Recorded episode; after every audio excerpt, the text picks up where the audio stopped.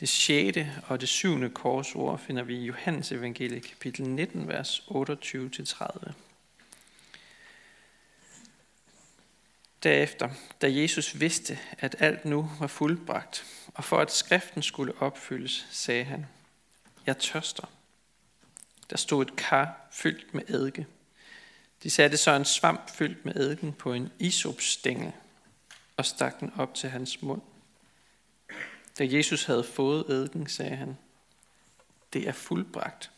Og han bøjede hovedet og opgav ånden.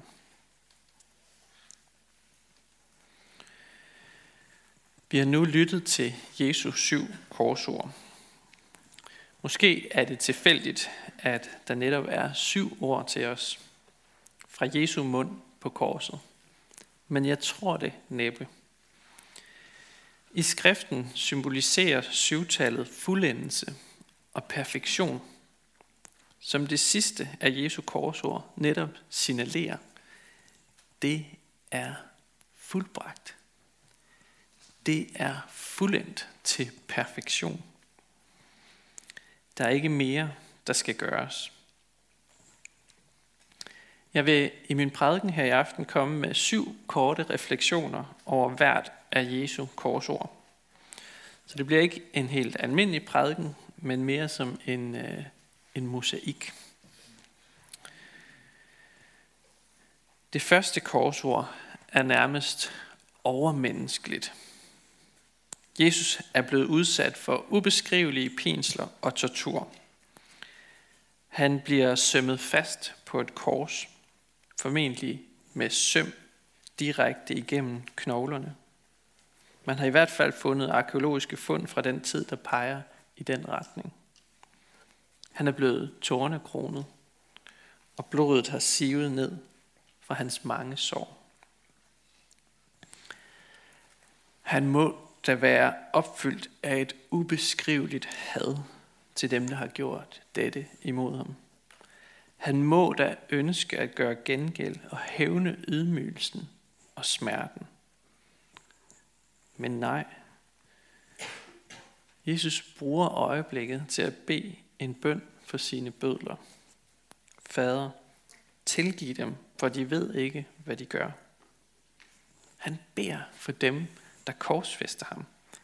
Han beder Gud om at tilgive dem, der mishandler ham, mens de gør det. Han beder for sine værste fjender, ligesom han har lært sine disciple at gøre det. Bed for dem, der forfølger jer, sagde han til os. Forbødlerne er ikke klar over konsekvenserne af deres handlinger. De ved ikke, hvad de gør, siger han. De er som børn med et farligt våben i hånden.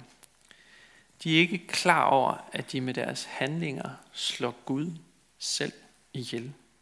Det var skjult for deres øjne, selvom han havde sagt det til dem helt åbent.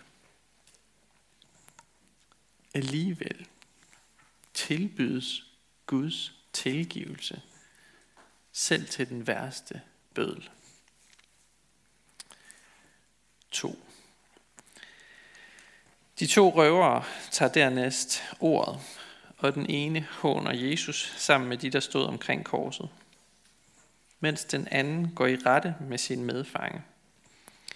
Han siger, at de trods alt har fået som fortjent, men Jesus er skyldfri.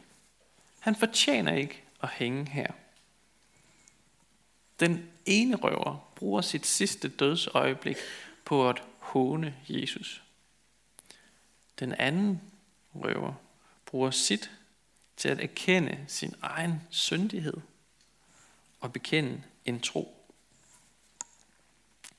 Det hører Jesus, og han svarer, sandelig siger jeg dig, i dag skal du være med mig i paradis.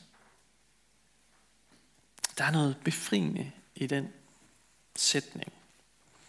Den viser, hvor enkelt det kan være at blive et Guds barn. Der går ikke et langt dybdeborende interview forud for den her mands frelse. Der er ikke en efterprøvning af hans oprigtighed.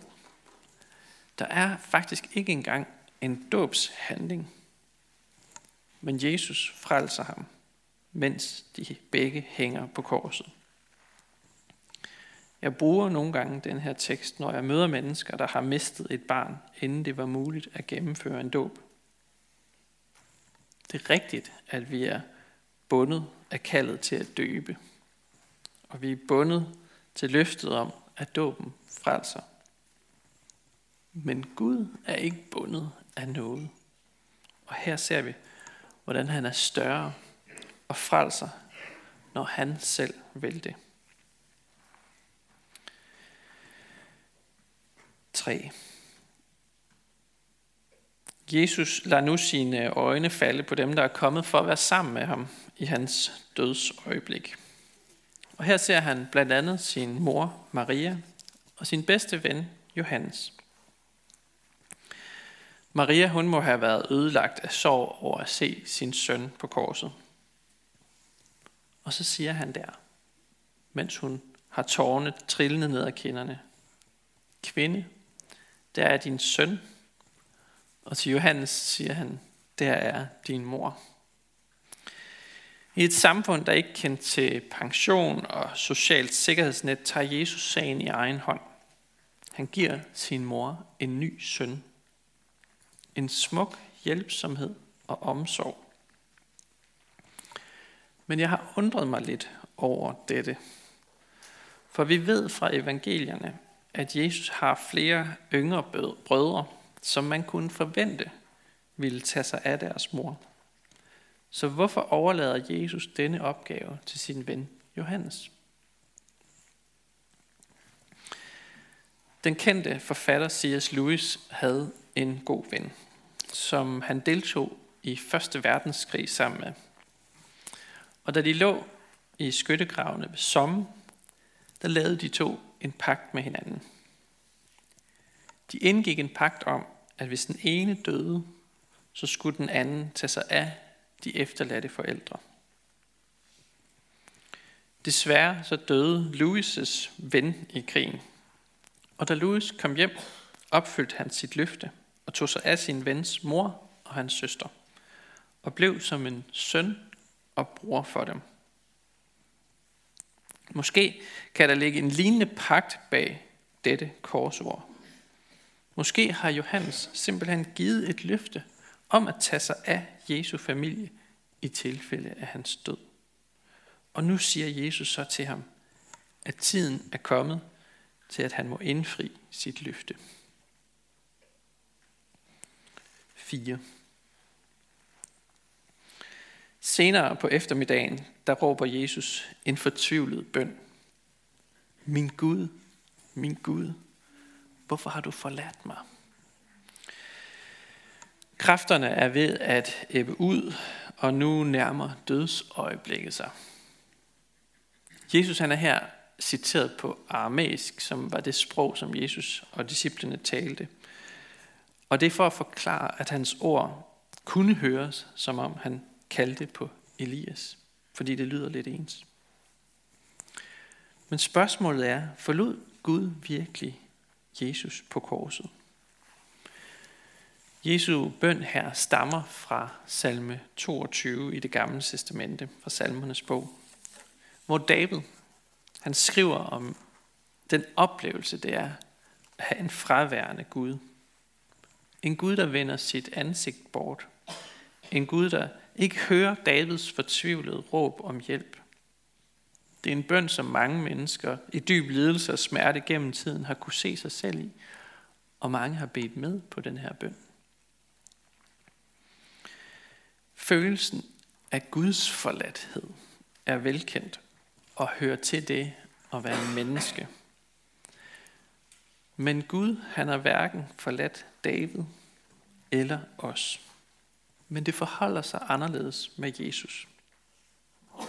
På korset, der blev Jesus gjort til synd for os, står der i 2. Korintherbrev, kapitel 5, vers 21. Han bar Guds fulde vrede over synden, står der i 1. Peters brev, kapitel 2, vers 24.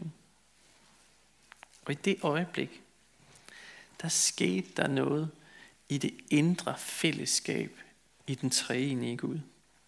Noget vi ikke sådan forstår, fuldstændig og helt, men noget, som vi ser i glimt. Gud han tilregnede Jesus al vores skyld. Så når han så på Jesus, så han alt det, alle mennesker har gjort forkert. Og Gud, Gud lod sin vrede straf ramme ham, for at vi kunne gå fri. Den retfærdige og gode Gud vendte i det øjeblik sit ansigt bort fra sin egen søn. 5. Vi er nået til det femte korsord. Jeg tørster. Det er et ganske kort ord, som øh, udtrykker en reel tørst, som Jesus han har mærket. Fordi han er 100% menneske, ligesom os. Han har simpelthen været ved at dø af tørst. De ord, de kommer fra ham, som har sagt om sig selv, den, der tørster, skal komme til mig og drikke. Og den, der drikker af det vand, jeg vil give ham, skal aldrig i evighed tørste. Så ham, der har det levende vand, han tørster nu selv. Han, som lavede vand om til den bedste vin ved brylluppet i Kana, får nu den sureste eddike vin serveret på det, der svarer til en toiletbørste. Så der, hvor Jesus han giver tilgivelse, han giver noget, han giver fred, han giver kærlighed, der får han hån, han får vrede og spot og bitre dråber at smage. Ordene er også en opfyldelse af et andet vers i salme 22, hvor der står, Min gane er tør som et potteskår, min tunge klæber til gummerne. Du lægger mig i dødens støv. 6. Det næst sidste korsord lyder, Far, i dine hænder betror jeg min ånd. Jesus han overlader nu sin ånd i sin fars hænder. Han bad i Gethsemane have om at lade vredens bæger gå ham forbi. Men Gud valgte alligevel at lade Jesus fuldføre sin opgave og ramme ham med sin kærlighedsvrede. Og Jesus han accepterede den opgave. Han lagde sit liv i Guds hænder, fordi han vidste, at Gud er kærlig, god og retfærdig. Vi forstår ikke altid Guds veje. Men det er bedst for os alligevel at gøre som Jesus og lægge vores liv og ånd i Guds hænder og følge Guds vej i livet. Fra først til sidst har Jesus levet sit liv med det ene formål at gøre sin fars vilje. Den retfærdige, lidende tjener har nu vundet sejren ved at stole på Gud hele vejen, helt ind i døden. 7. Det sidste ord på Jesu læber, det er, det er fuldbragt. Og dermed er vi nået til enden. Nu er der ikke mere at gøre. Nu er der ikke mere at sige. Og dermed er vi også tilbage ved min indledning, at Jesu opgave er udført til perfektion. Frelsen er opnået. Der er heller ikke mere for os at gøre, for Jesus har gjort det, der skal til. Det sætter en tyk streg under, at det Gud beder os om, aldrig er at frelse os selv. Det kan vi ikke. Det overlader vi til Jesus, for han har gjort det fuldt ud. Vi kommer aldrig til at bevæge os opad til Gud, for ligesom at fuldende frelsen med vores egne gode gerninger.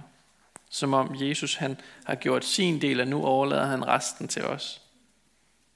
Nej. For Jesus han har gjort det hele, og hvor er det godt.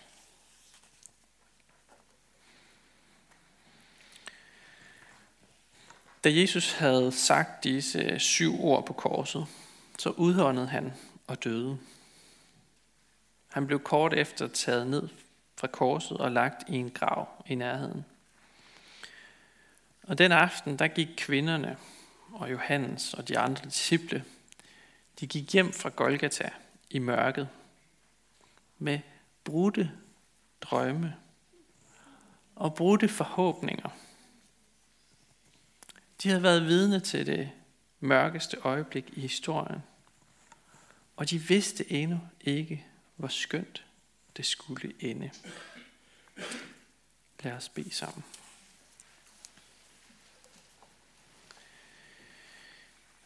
Jesus, vi bøjer os i ydmyg taknemmelighed for dig på korset. Vi forstår slet ikke, hvad det krævede, og vi forstår ikke den forladthed, du oplevede. Vi forundres, og vi takker. Vi takker dig for den kærlighed, som korset er udtryk for. Og vi takker dig for den offervilje, du var villig til at vise os for at købe os fri. Vi takker dig for din tilgivelse imod selv den værste forbryder. Og vi takker dig for din omsorg, som vi betalte tilbage med bedre dråber. Den her aften beder vi også ganske kort for menighedens børn, både de fødte og de ufødte. Beskyt du dem og lad dem få lov til at vokse op i troen på dig. Vi beder dig for ægteskabet og dem, der lever alene. Giv os din kraft til at leve efter din vilje. Vi beder dig om, at du vil være nær hos alle, der er ramt af sorg, sygdom og lidelse. Giv os mod til at være til stede og visdom til at lindre smerten hos hinanden. Vi beder for din kirke. Lad budskabet om dig, Jesus, spredes over hele jorden, og styrk dem, som forfølges for dit navns skyld. Vi beder for vores folk, for alle, der er blevet betroet magt og autoritet. Hjælp dem og os til at værne hinanden mod uret og vold, og kom så snart og gør alting nyt. Amen.